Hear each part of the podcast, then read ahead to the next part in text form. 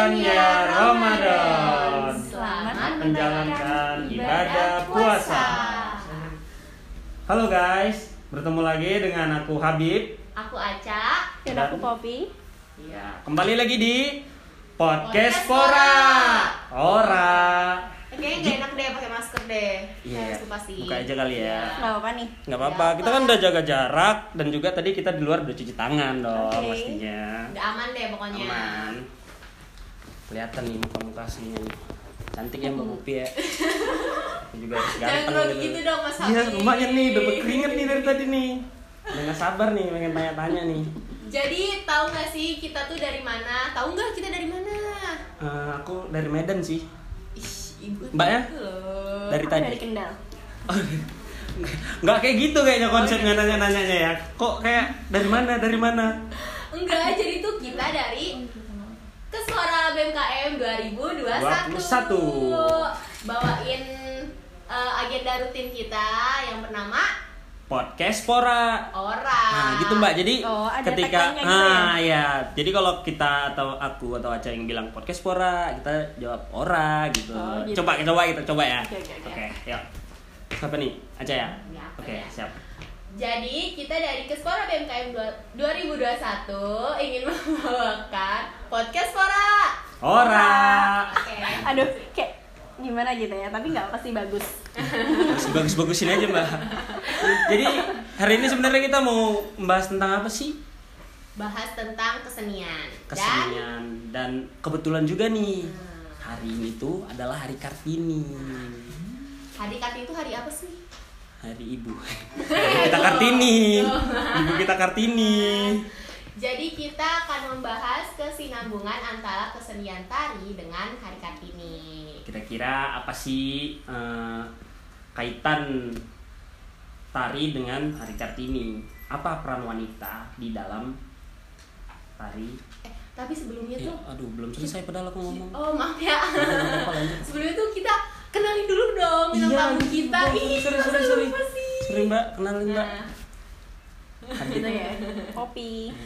dari mana sih mbak asalnya mbak? Halo teman-teman semua, kenalin nama aku Poppy dari Kendal, jurusan Pendidikan Ekonomi, Fakultas Ekonomi UNES angkatan 2018. Ini sama kayak aku, umur udah sama nih, udah cocok nih umur nih. Tinggal makanan kesukaan aja nih. Oh, Hmm, biar cocok ya. Iya. Sayangnya nggak doyan nasi padang sih. Aduh, ketahuan nih. Ketahuan Namanya nih. dia memuka. sensor ya nanti ya sensor ya. Eh, mbak ini dalam tari itu apa sih? Eh, mbak itu ikut nari atau gimana? gitu? Eh, Sebenarnya aku tuh seorang penari, tapi Hmm. tuh kebetulan waktu masuk kuliah tuh nggak ambil jurusan seni tari aja, Hmm. jadi pengen ambil yang lain gitu dan kebetulan ambil ekonomi gitu. Jadi aku tuh seorang penari dan aktif juga di sanggar gitu, sanggar tari. Sanggar tari. Berarti ikut UKM tari di UNES nggak mbak? Iya sempat ikut, tapi karena udah semester tua jadi udah gak ikut sih. Dulu sempat ikut. Udah tua kita ya, nggak terasa. Aduh ya udah mau skripsian nih, udah sempro semproan. Semangat. Jadi ya udah langsung balik ke topik kita yang tadi di Apa tuh? tadi. Tarian. gambaran perempuan? Gambaran perempuan di dalam tarian. Gambaran perempuan di dalam tarian. eh kita bahas stigma masyarakat dulu aja ya. Hmm. Jadi stigma masyarakat di Jawa itu ya di Indonesia lah terutama kayak eh, seorang penari itu identik dengan wanita gitu. Ya enggak sih? Mm-mm. karena kalau misal ada cowok penari Boy ya nggak sedikit sih nggak sedikit dan ada gitu banyak sih cowok penari gitu cuman eh, di kita itu lebih ke penari itu cewek gitu kan banyakan Hmm. gitu karena kalau stigmanya cowok penari tuh jadi kayak lemah lembut gitu kan Mulai gitu Iya. ya, pasti identik sama melambai. Iya, tapi nggak gitu juga sih sebenarnya. Iya, Ada juga banyak eh, kayak tarian-tarian cowok yang gagah, perkasa gitu banyak. Cuman di masyarakat kita itu perempuan itu lebih ke penari dan laki-laki tuh Hmm. tidak gitu. Lebih cocok gitu ya. Iya, lebih cocok gitu. Dulu aku juga sebenarnya gara-gara stigma-stigma yang kayak gitu, jadi aku Oh, kurang dulu tertarik. penari enggak, juga? enggak, maksudnya Oh. enggak ada tertarik dan enggak minat gitu. Oh, sebenarnya bagus juga sih karena di dalam tari itu peran laki-laki itu juga dibutuhkan misalnya kayak tari ramasinta Hmm. terus tari tari-tari yang jawa-jawa gitu kan itu berpasangan kan cowok Hmm. cewek nah itu juga harus ada penari cowoknya gitu Hmm. kayak tari di Semarang sendiri ada tari Semarangan itu cowok cewek juga pasangan harusnya gitu tapi seiring berjalannya waktu seiring perkembangan zaman itu eh, cowok-cowok tuh kayak kurang tertarik kepada seni tari gitu jadinya tari Semarangan pun sekarang kayak tahu nggak lagu ya yang empat penari gitu tahu nggak tahu nggak aduh nggak tahu ya ya nanti kita coba Oh, explore ya oke, oke. Oh, Nanti kamu bukan asli kita- Semarang kok ya Bukan. kamu aslinya mana Aku Tangerang. oh gitu Oh, nggak ada Medan. yang asli cewek ini ya Hmm. Jadi gitu deh jadi di Semarang ini juga Aku kayak taunya tari tortor, oh gitu serampang 12. oh seramang dulu aku pernah Tari piring yang dipecah-pecahin tuh piringnya. Hmm, yang diinjek-injek juga Iya, nggak? diinjek-injek. Serampang 12 lempar kali ya. Serampang. ya gitu deh kalau di Semarang tuh jadinya kayak tari Semarangan yang harusnya tuh pasangan cowok cewek tuh sekarang tuh banyaknya kayak bu- buat opening acara webinar atau seminar gitu kan biasanya tuh ada opening tari tariannya yaitu tari Semarang tuh biasanya sekarang tuh jarang sih kalau yang ada cowoknya gitu. Biasanya cewek-cewek aja gitu. Udah sih itu aja mungkin kita eh, lihat stigma masyarakat gitu aja kalau penari tentang perempuan gitu. Nah, terus tuh gimana sih kita cara kita itu melihat eh, peran perempuan dalam tarian itu? peran perempuan dalam tarian. Sebenarnya banyak sih ya perempuan sebagai penari perempuan sebagai penata rias perempuan sebagai penata kostum perempuan sebagai koreografer bahkan. Nah itu banyak sekali perempu- peran perempuan di dalamnya gitu. Nggak cuma sebagai penari aja. Karena gini eh, kembali ke stigma tadi ya kak. Kan eh, make up itu dibutuhkan dalam sebuah tarian gitu. Hmm. Nah sekarang siapa sih yang bisa make up? Pastinya perempuan dong. Tapi ada juga cowok kok. Iya, s- ya Banyak. walaupun banyak sih mua-mua make up artis Mm-mm. pun yang cowok tuh make- malah bagus-bagus gitu. Gitu. Tapi karena make up itu identik dengan cewek, nah kembali lagi ke stigma yang tadi gitu. Jadi kayak ya gitu deh peran perempuan tuh banyak banyak banget di sebuah tarian ada tadi penata rias kostum koreografer dan penarinya itu sendiri Hmm.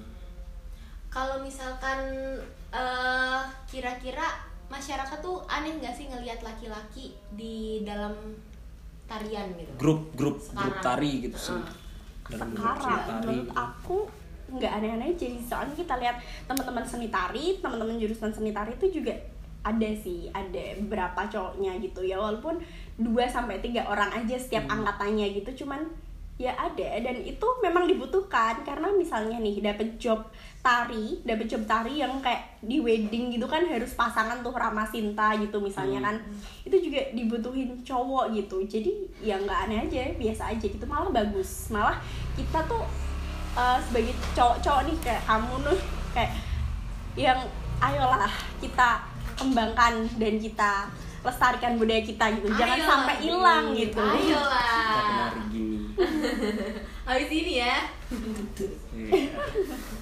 Tapi itu aku itu pernah juga ngelihat Mm-mm. banyak cowok cowoknya itu tari apa ya?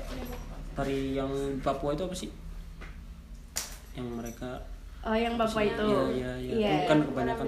Hmm. Iya bener-bener bener-bener itu iya di Jawa juga ada di Banyumas namanya Lengger Lanang. Hmm. Nah itu tuh tari Lengger Lanang itu menceritakan tentang seorang laki-laki yang didandani seperti layaknya perempuan gitu. Eh, tokoh seniman Lengger Lanang yang terkenal di Indonesia itu ada Mas Rianto. Bisa dibuka Instagramnya teman-teman Rianto DDC nanti ya di sini Rianto DDC. Nah itu beliau merupakan seorang seniman laki-laki yang berkiprah di dunia tari, terutama tari daerah khas Banyumas yaitu lengger. Hmm, lengger. Nah itu gerakannya pun eh, kewanitaan gitu, sangat khas Oh. wanita. Padahal tuh dia laki-laki, tapi eh, lebih ke gerakan yang wanita gitu seperti geol, seperti lenggak-lenggok seperti Hmm. itu. Gak apa-apa sih, mungkin itu memang sebuah eh, tradisi, ya memang sebuah tradisi dan itu kemauannya dia sendiri gitu. Ini ngomongin masalah perempuan dan laki-laki dalam sebuah tarian. Gimana Mm-mm. sih cara ngebagi peran antara laki-laki sama perempuan itu dalam satu tarian? Grup tari itu. Tari. Banyak sih pembagiannya tadi seperti uh, Nama koreografer, penata rias, penata kostum, penata panggung dan penarinya itu sendiri. Pasti tadi yang aku bilang sih ada perannya masing-masing antara cowok sama cewek ya ada kayak penari pasangan gitu kan ada perannya masing-masing harus pada porsinya masing-masing misalnya tarian cewek ditarikan dengan lemah lembut dengan gemulai dengan sedangkan yang cowok itu gagah perkasa gitu ya Iya, karena pernah juga tuh aku lihat tuh kayak Mm-mm. nih yang cewek sendiri nih di tengah terus yang kayak di pinggir-pinggir itu cowoknya Oh iya, itu terus kayak nanti tari dia pendet ya sih. sendiri yang ceweknya Iya. yang cowoknya kayak ngawal gitu loh Iya, benar-benar benar itu juga salah satu tarian Heeh. di Bali juga itu kan tari Di- pendet kan. oh di Bali ya Pendet kan satu, Heeh. orangnya di, yang tengah di cewek, yang cewek di tengah dan lainnya tuh tari kecak yang gitu oh loh. iya iya Tahu nggak? yang yang ini gak sih yang matanya gini-gini tuh Iya. nah Benar-benar. Kan apa sih namanya berarti setiap tarian itu punya cerita pasti ya Pasti dong, pasti pasti punya pasti. cerita nah ada nggak sih cerita tentang perempuan di dalam tarian itu Ada dong Di- banyak banyak banyak. di Indonesia sendiri khususnya Mm-mm. Em, berhubung ini tadi disangkutin sama Hari Kartini ya, Hmm. mungkin kita lihat perjuangan perempuan dalam sebuah tarian gitu. Kalau eh, kita ditanya ada tarian atau tidak yang menceritakan sebuah perjuangan perempuan, tentunya ada. Contohnya tari gegerit dari Lahat dari Sumatera. Hmm, Nah ya. itu, nah itu menceritakan tentang sebuah perjuangan perempuan di sana melawan penjajah dan dia membawa eh, suatu senjata khas Sumatera gitu dalam tariannya untuk disimbolkan untuk melawan penjajah gitu. Jadi hebat banget ya perempuan-perempuan zaman dulu ya. Eh, banyak tuh cewek-cewek saking sakingnya ingin melawan penjajah jadi seperti itu dan diciptakanlah dalam sebuah tarian gitu. Kau mau melawan penjajah sekarang enggak sih mari nari jadi sekarang tarian juga bisa jadi simbol buat kayak kemerdekaan Iya, bisa Ya, banget, bisa, pasti bisa. itu setiap eh, ada acara-acara di tingkat nasional khususnya pasti itu ada kayak tarian tuh pasti tuh Mm-mm. wajib gak sih mbak kayak gitu tuh pasti ada kayak tarian apa pun lah itu Iya, pasti ada kayak sebagai opening. kayak opening ya, Mm-mm. acara pemerintahan, acara di kampus, di Heeh. kementerian, di eh, bank gitu tuh banyak banget soalnya ya. kan itu sebagai salah satu simbol kalau kita itu budayanya kaya Benar, loh. benar banget. banyak loh di Indonesia Mm-mm. loh gitu nah eh, kan tari tuh di Indonesia kayak luas banget ya kayak Luas, banyak pertunjukan banyak biar orang-orang tuh kayak rata-rata semua orang tuh tahu gitu tentang tarian-tarian di Indonesia kayak pasti ada lah beberapa sesedikitnya satu eh, dua aku juga lah, ya kalau kan, pasti. apa pasti Nah, tahu. Eh, sekarang tuh pertunjukan tari di Indonesia menurut Mbak kayak gimana sih? Buat sekarang-sekarang ini. khususnya ini kita kan lagi Ya, pandemi. pandemi, nih Iya Pasti iya. Di masa pandemi ini eh, seniman-seniman banyak yang sedang bersedih ya karena mereka biasanya setiap tahun, setiap setengah tahun sekali gitu kan me- mempertunjukkan pagelaran seni gitu ya. Karena pandemi tidak boleh ada kerumunan jadi mereka eh, pending karya seninya itu. Atau kita bisa lihat contoh Mbak- namanya Mbak Mila Rosinta itu sebuah eh, seorang koreografer dari Jogja. Ya dia itu wanita tangguh banget sih. Dia itu kemarin tanggal 9 Februari 2021 ini rilis tarian karya tari yang namanya Pupur Dapur Kasur. Tahu nggak itu apa? apa tuh?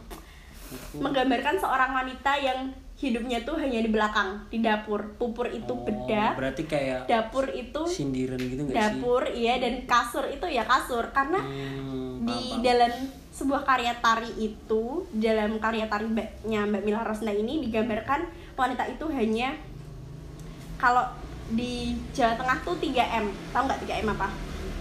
MMMM mau tahu nggak apa? Apa nih? bener kan?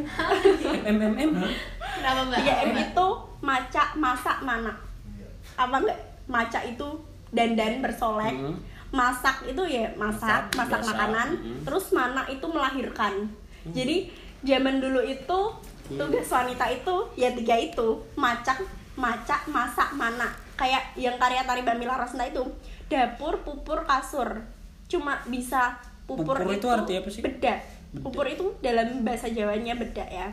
Heeh. oh bisanya cuma bersolek hidupnya di dapur dan hanya di kasur gitu untuk apa ya melayani para suami ya gitu betul kayak itu kayak sindiran gak sih lebih Iya kayak bener banget bener banget sindiran gitu dia Nah, eh, kita angkat lagi nih dari Kartini tadi ya, Hmm. yang membawa emansipasi wanita yang begitu luar biasa, yang membuat wanita itu lebih maju dan gak cuma 3M dan pupur dapur kasur itu aja.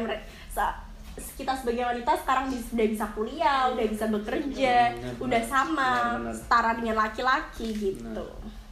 hebat ya berarti ya Oh, hebat banget, hebat banget. tapi mbak pernah ketemu mbak itu nggak di Jogja pernah atau belum nari sih gitu? belum pernah cuman aku kalau dia bikin karya tari aku lihat sih kayak itu kemarin dirilisnya di Instagram oh berarti via online, Online, gitu ya, ya. Oh, Di- tapi dengan begitu kan berarti nggak menghalangi nih Mm-mm, dari bener mereka banget. mereka semua yang punya mungkin bakat-bakat dan pagelaran-pagelaran yang tertunda tuh nggak nggak nggak cuman kalian bisa buat offline doang Iya. kalian bisa buat online banyak juga yang lihat dan Iya. lain-lain gitu di awal tahun 2020 kemarin waktu pertama-pertama pandemi itu kayak terpuruk banget tuh seniman-seniman kayak Mbak Mila Rosna juga buat Q&A di Instagram itu gimana sih eh, karya-karya eh karya-karya perjalanan adik-adik penari di masa pandemi ini terus banyak yang komen sepi mbak sepi job gak ada job gini gini gini gini Hmm. namun di 2021 ini kan udah masa era new normal tuh Iya, jadi iya. udah ya banyak lah acara-acara yang mulai pakai ya. penari dan banyak juga mereka yang bikin uh, online gitu karya tari online gitu jadi eh, karya yang tadi pupur dapur dan kasur itu dari kayak inspirasi dari RA Kartini juga lah ya Iya, iya, Kayak, benar-benar. perjuangan perjuangan perempuan Hmm. Jangan perempuan kan selanjutnya ada nggak sih mbak eh, pengaruh kartini di kehidupan kita terlebih kan untuk seni gitu Benar-benar. kartini itu sendiri ada nggak? Dia apa sih namanya cak? Lupa cak. Bantu bantu. Jadi pengaruh Kartini dalam kehidupan kita, khususnya kehidupan Mbak nih, apalagi Mbak penari. Menurut Mbak tuh Kartini itu sosok yang kayak gimana sih? sosok yang luar biasa sih pastinya yang membawa emansipasi wanita yang yaitu tadi seperti Mbak Mila Rosinta terinspirasi dari beliau kan. Menjadi seseorang yang mau maju dan mau berubah untuk kehidupan yang akan lebih baik sih.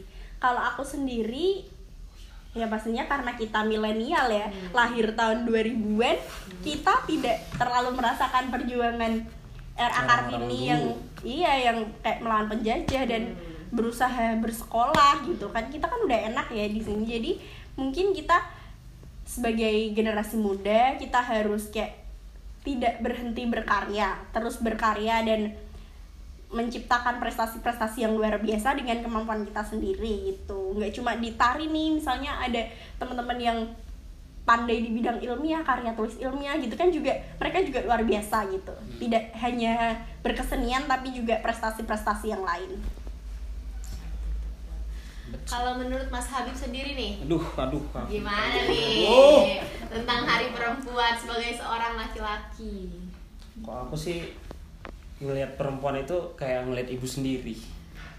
Hebat gitu. Ya, pasti tuh kalau ngeliat perempuan tuh kayak aku ngebayangin ibuku ya Allah ibu kerja keras di rumah. Pasti nih mereka bakal kayak gitu juga nih. Makanya aku harus lebih respect dan aku hormat sama perempuan. Yang mantap, nggak pernah lah ya jadi boyo-boyo nyakitin perempuan tuh ya. Nggak pernah lah ya. Aja kayaknya Kan pernah nih. respect sama perempuan. Eh gimana tadi mbak? Eh, nih. Tanya takut salah ngomong, takut salah ngomong.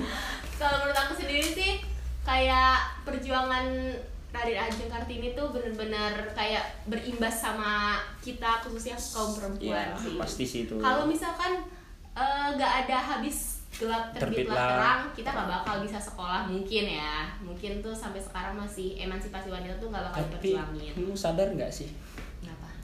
Ibu Kartini itu sebenarnya dia anak indie banget. Kenapa bisa Judulnya habis gelap terbit terang.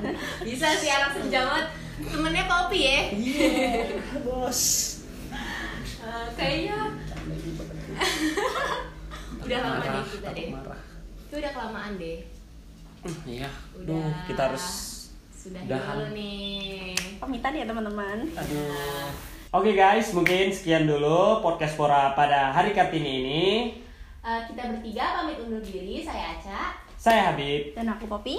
Eh, pamit undur diri So- semangat menjalankan ibadah puasa Selamat Hari Kartini dan Assalamualaikum warahmatullahi wabarakatuh. Sampai jumpa di Podcast Pora. selanjutnya. Ora. hidup Dadah. mahasiswa Hidup perempuan Indonesia. Podcast Pora Ora. jangan lupa pantengin kita di Spotify Podcast Pora. dan YouTube BMKM UNES see you